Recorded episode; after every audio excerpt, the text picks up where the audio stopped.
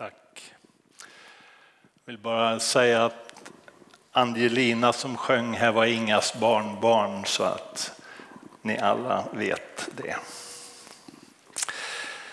Ja, som sagt så får vi fira gudstjänst och vara kyrka i alla livets tillfällen och så är det.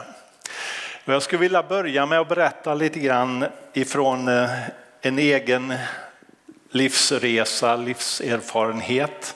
Jag är uppvuxen i ett kristet hem på det sättet att eh, min mamma var en varmt troende människa och eh, så småningom i 50-årsåldern så kom min pappa till tro. Men det var min mamma som eh, var den där personen som på något sätt utstrålade Jesus för mig. Så när jag växte upp så var det liksom henne jag tittade på när det gällde hennes relation till Gud och hur den såg ut och hur den funkade. Och jag kan inte påminna mig egentligen en situation då jag inte har trott att Gud har funnits. Det har funnits gott om tider i mitt liv då jag har bråkat med Gud och tvivlat och ifrågasatt och tagit spjärn. Men Guds existens den har jag aldrig liksom kunnat förklara bort. Vid tio års ålder så tog jag ett slags första beslut om att följa Jesus. Och jag räknar det som min första milstolpe på något sätt. Då jag välkomnar Jesus. Kanske det hände tidigare, vad vet jag, men för det fanns liksom i hela min existens att jag vill följa Jesus, jag vill tillhöra Jesus. Men det var liksom en slags markering både för mig och för andra då vid tio års ålder. Precis som de allra flesta tonåringar så går inte livet alldeles på räls.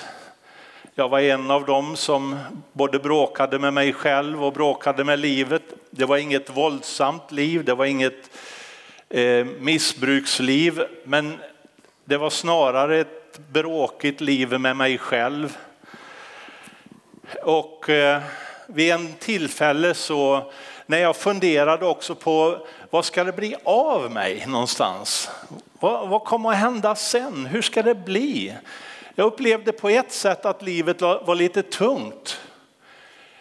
Och eh, jag insåg att det som var mina yrkesdrömmar, de var omöjliga därför att jag hade alldeles för svag syn och jag hade för dåliga betyg för det andra.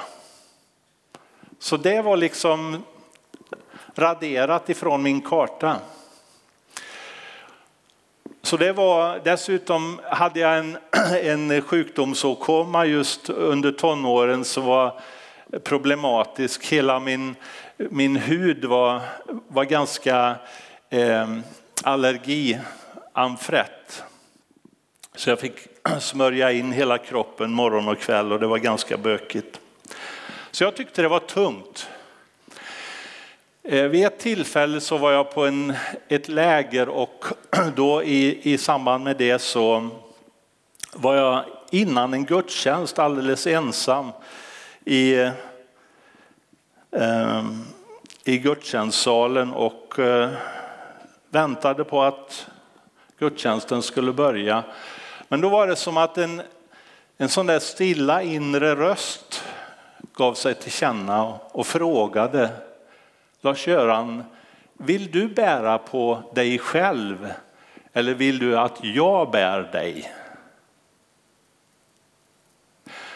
Den var så pass tydlig, alltså, jag, jag är inte den personen som brukar höra röster så där vardagligdags. Men det var så pass tydligt så att jag kunde liksom bara inte skjuta undan det. Och jag kände igen det på något sätt som att ja, men det här är nog andens röst. Och jag spontant så var liksom min bara, ja men det är klart att jag vill vara buren. Jag vill, jag vill gå din väg. Jag vill vara buren av dig.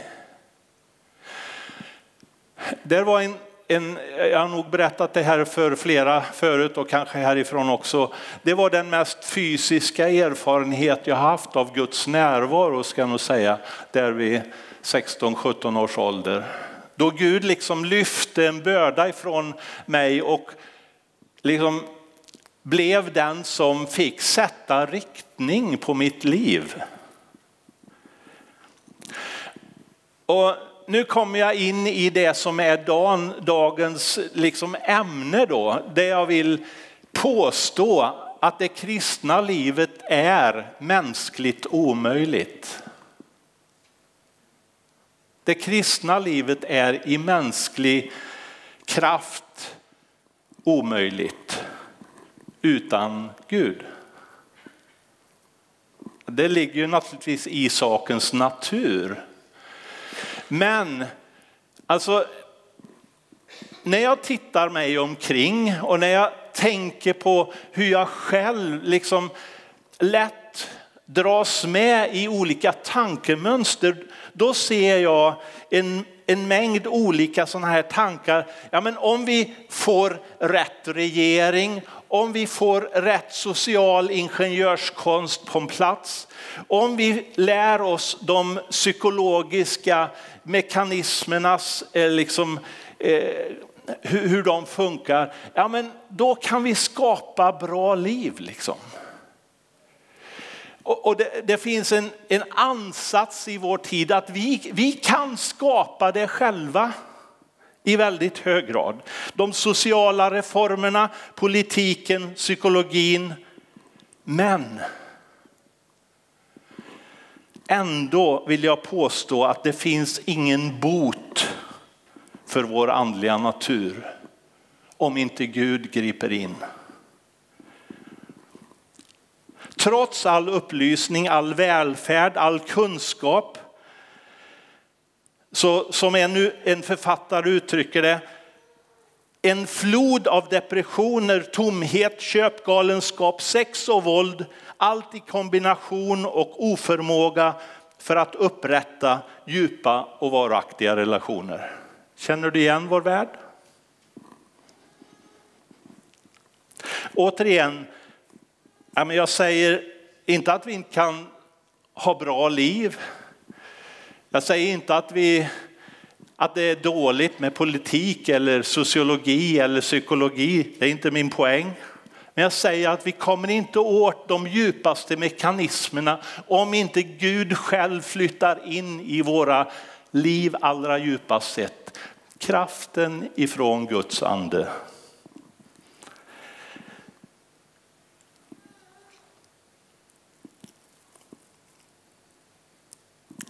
Nikodemus kom till Jesus om natten. Nikodemus han var en djupt religiös och from människa. Men det är som att det hade landat hos honom att all hans religiositet hjälpte honom inte på djupet.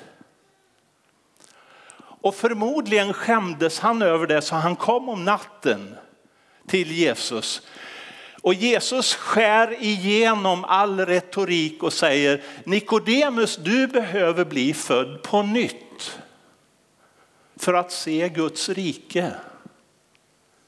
Du behöver bli född av ande. Det behövs något genomgripande in i din allra djupaste mänskliga natur för att du ska komma rätta till med dig själv.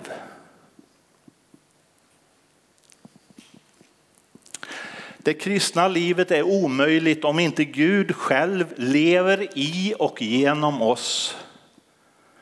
Det handlar om att få del av Gud själv. Att få vara född av anden. Jag tänker tillbaka till när Gud skapade hela universum så står det att Gud tog stoft ifrån marken, formade det och blåste in livsande i människan. Innan dess så var det jord, det var grus, det var vatten. That's it. Men när Gud blåste liv i människan, då blev hon en levande själ, står det. det är jag och du är idag. Och jag tror det av hela mitt hjärta att det som Gud gör, det är som en nyskapelseakt som han bjuder in oss till. Där han låter sin ande äga, liksom ta sin plats i det mänskliga livet och beröra liksom syndens djupaste konsekvenser för att vrida vår själ rätt. Gud ingjuter liv i oss. I första i Efesierbrevet 1 så står det så här, vers 18 och följande. Må han ge ert inre öga ljus så att ni ser vilket hopp han har kallat oss till. Vilket rikt och härligt arv han ger oss bland de heliga. Hur väldig hans styrka är för dem som tror. Samma oerhörda kraft som han med sin makt lät verka i Kristus när han uppväckte honom från de döda och satte honom på Faderns högra sida. Det är som att Paulus vill få till en djup reflektion. Fattar du vad du har fått del av? Fattar du vad du har fått del av? Vad är anden till för? Vad är andens kraft till för? Vad ska vi ha det till? Ja, först och främst så vill jag belysa att anden är till för att hjälpa oss att spegla Gud själv. Det korta svaret det är att Gud har gjort oss till ett showcase. Till en display för sin skapare och för himlen. Det är ett återsken, en avbild det grekiska ordet är ikone, en ikon. En ikon är ingenting i sig, den återspeglar någonting. Människan är skapad som ett återsken. Som månen återger skenet ifrån solen. Det är så vi är designade, jag och du. Att vi ska spegla det vi investerar vårt liv i. Det syns i våra liv, vad vi investerar våra liv i. Det kommer att speglas i våra liv.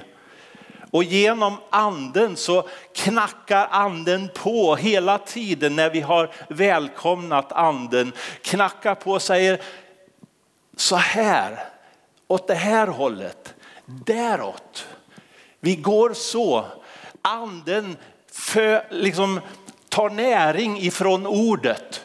Anden lyssnar in liksom ordets sanning och knackar på och nödgar och knuffar och hjälper oss på traven. Och så vill Gud liksom låta våra liv Ja, Paulus han kallar våra liv som ett brev till världen. Och han kallar oss också som en doft, som en parfym till världen. Och anden är liksom livet ifrån Gud som, som låter Jesusdoften komma fram. Och så står det i apostlagärningarna att konsekvenserna av apostlarna när de hade blivit liksom fyllda av anden och tagit emot så står det att, att med, med kraft frambar de budskapet om Jesus. Och så står det i samma anda vid flera tillfällen att de var jätterädda och de, var, de, de, de, de var, kände sig svaga. Och hur går det ihop? Ja, det är inte den mänskliga liksom, boosten. Det är inte den mänskliga, ja men nu känner jag mig kraftfull alltså. Utan det är det är som att Gud kommer fram och övertygar genom ordets kraft på ett sätt som säger det här är verkligheten, det här är sanningen, det här är godheten, det här är verkligheten. Och precis som apostlarna så är jag och du utsända i världen för att spegla Jesus, belysa honom. Och det är som att anden är den stora liksom strålkastaren som låter liksom Jesus bli synlig genom våra liv.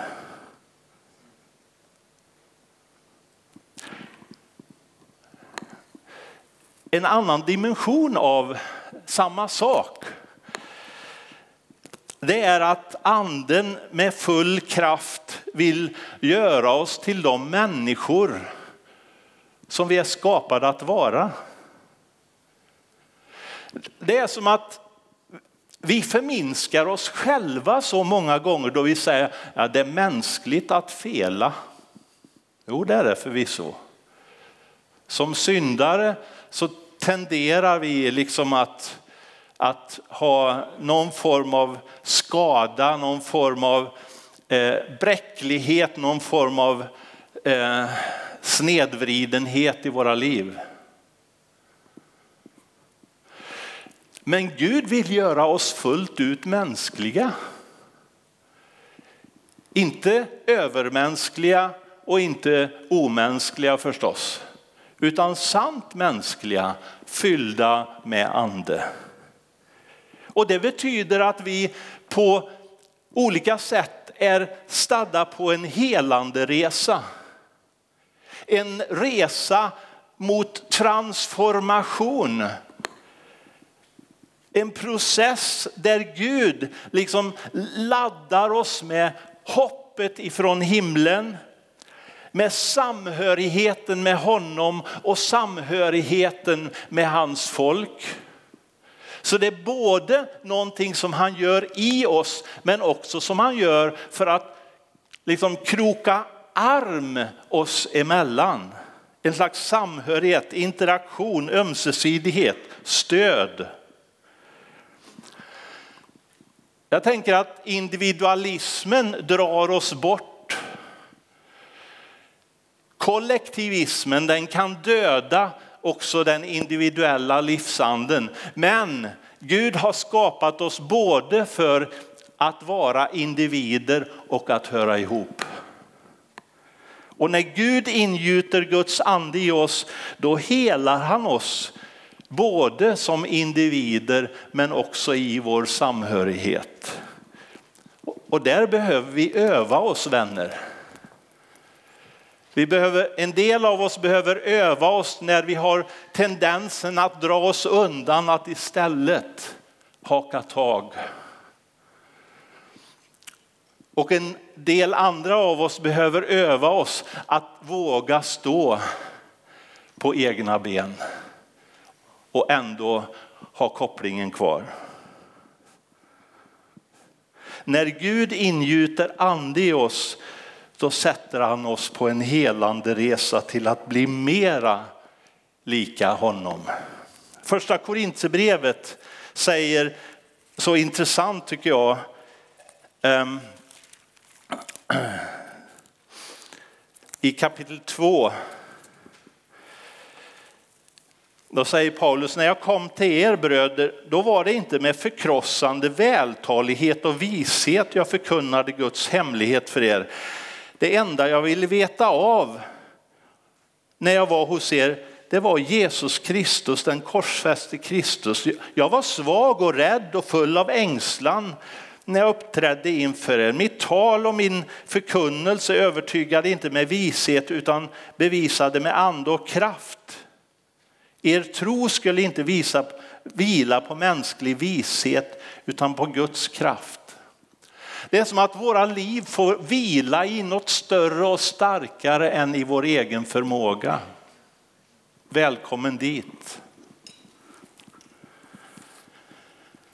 Andens gåvor, bara för att knyta an till det, som vi ibland pratar om är inte liksom kraftpaket som en andlig bodybuilder får.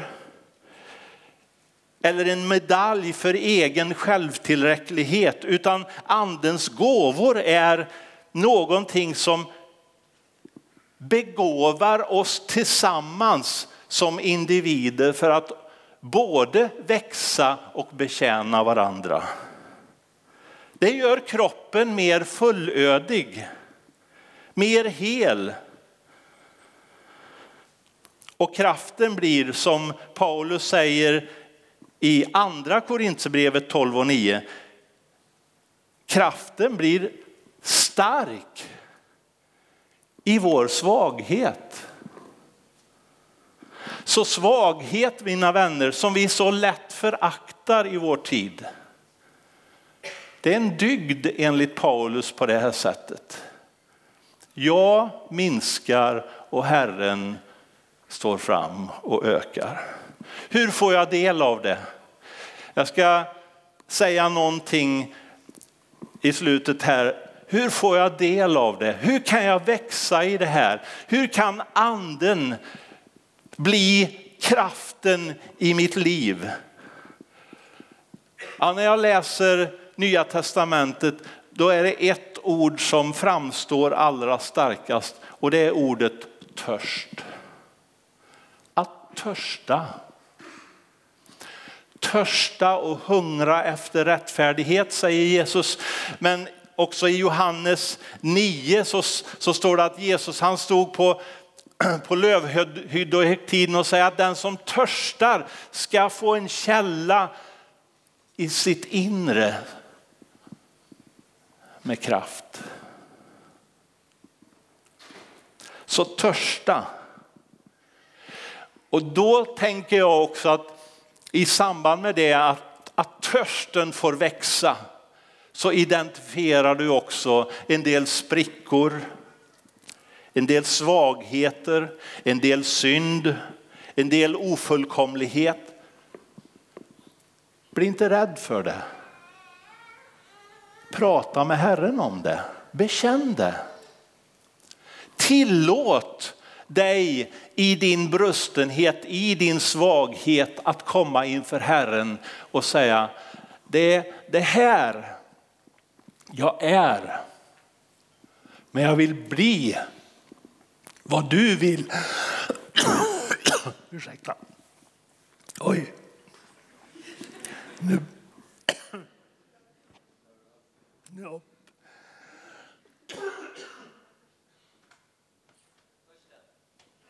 Törsten.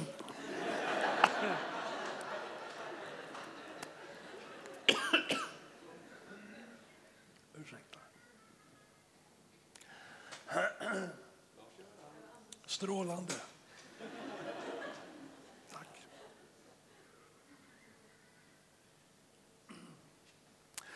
Så, det var jättebra. Jag ska med viss svaghet slutföra.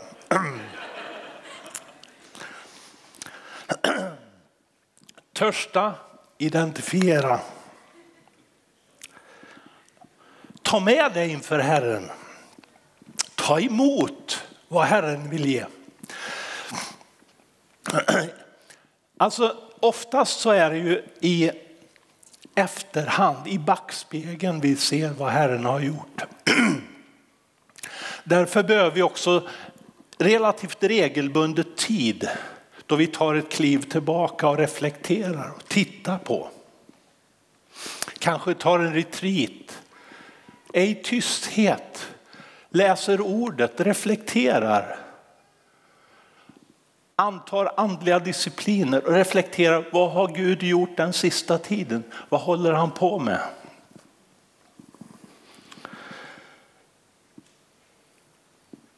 Träna, inse att du är inte färdig.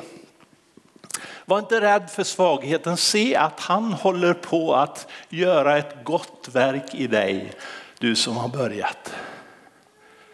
Så när vi idag har förbön och själavård, alltså se resurserna För att Gud vill med sin ande som uppväckte Jesus ifrån döda ta dig i bruk, gå vidare med dig, fylla dig, låta dig växa, formas till hel människa. Så att du lyser Kristus i världen.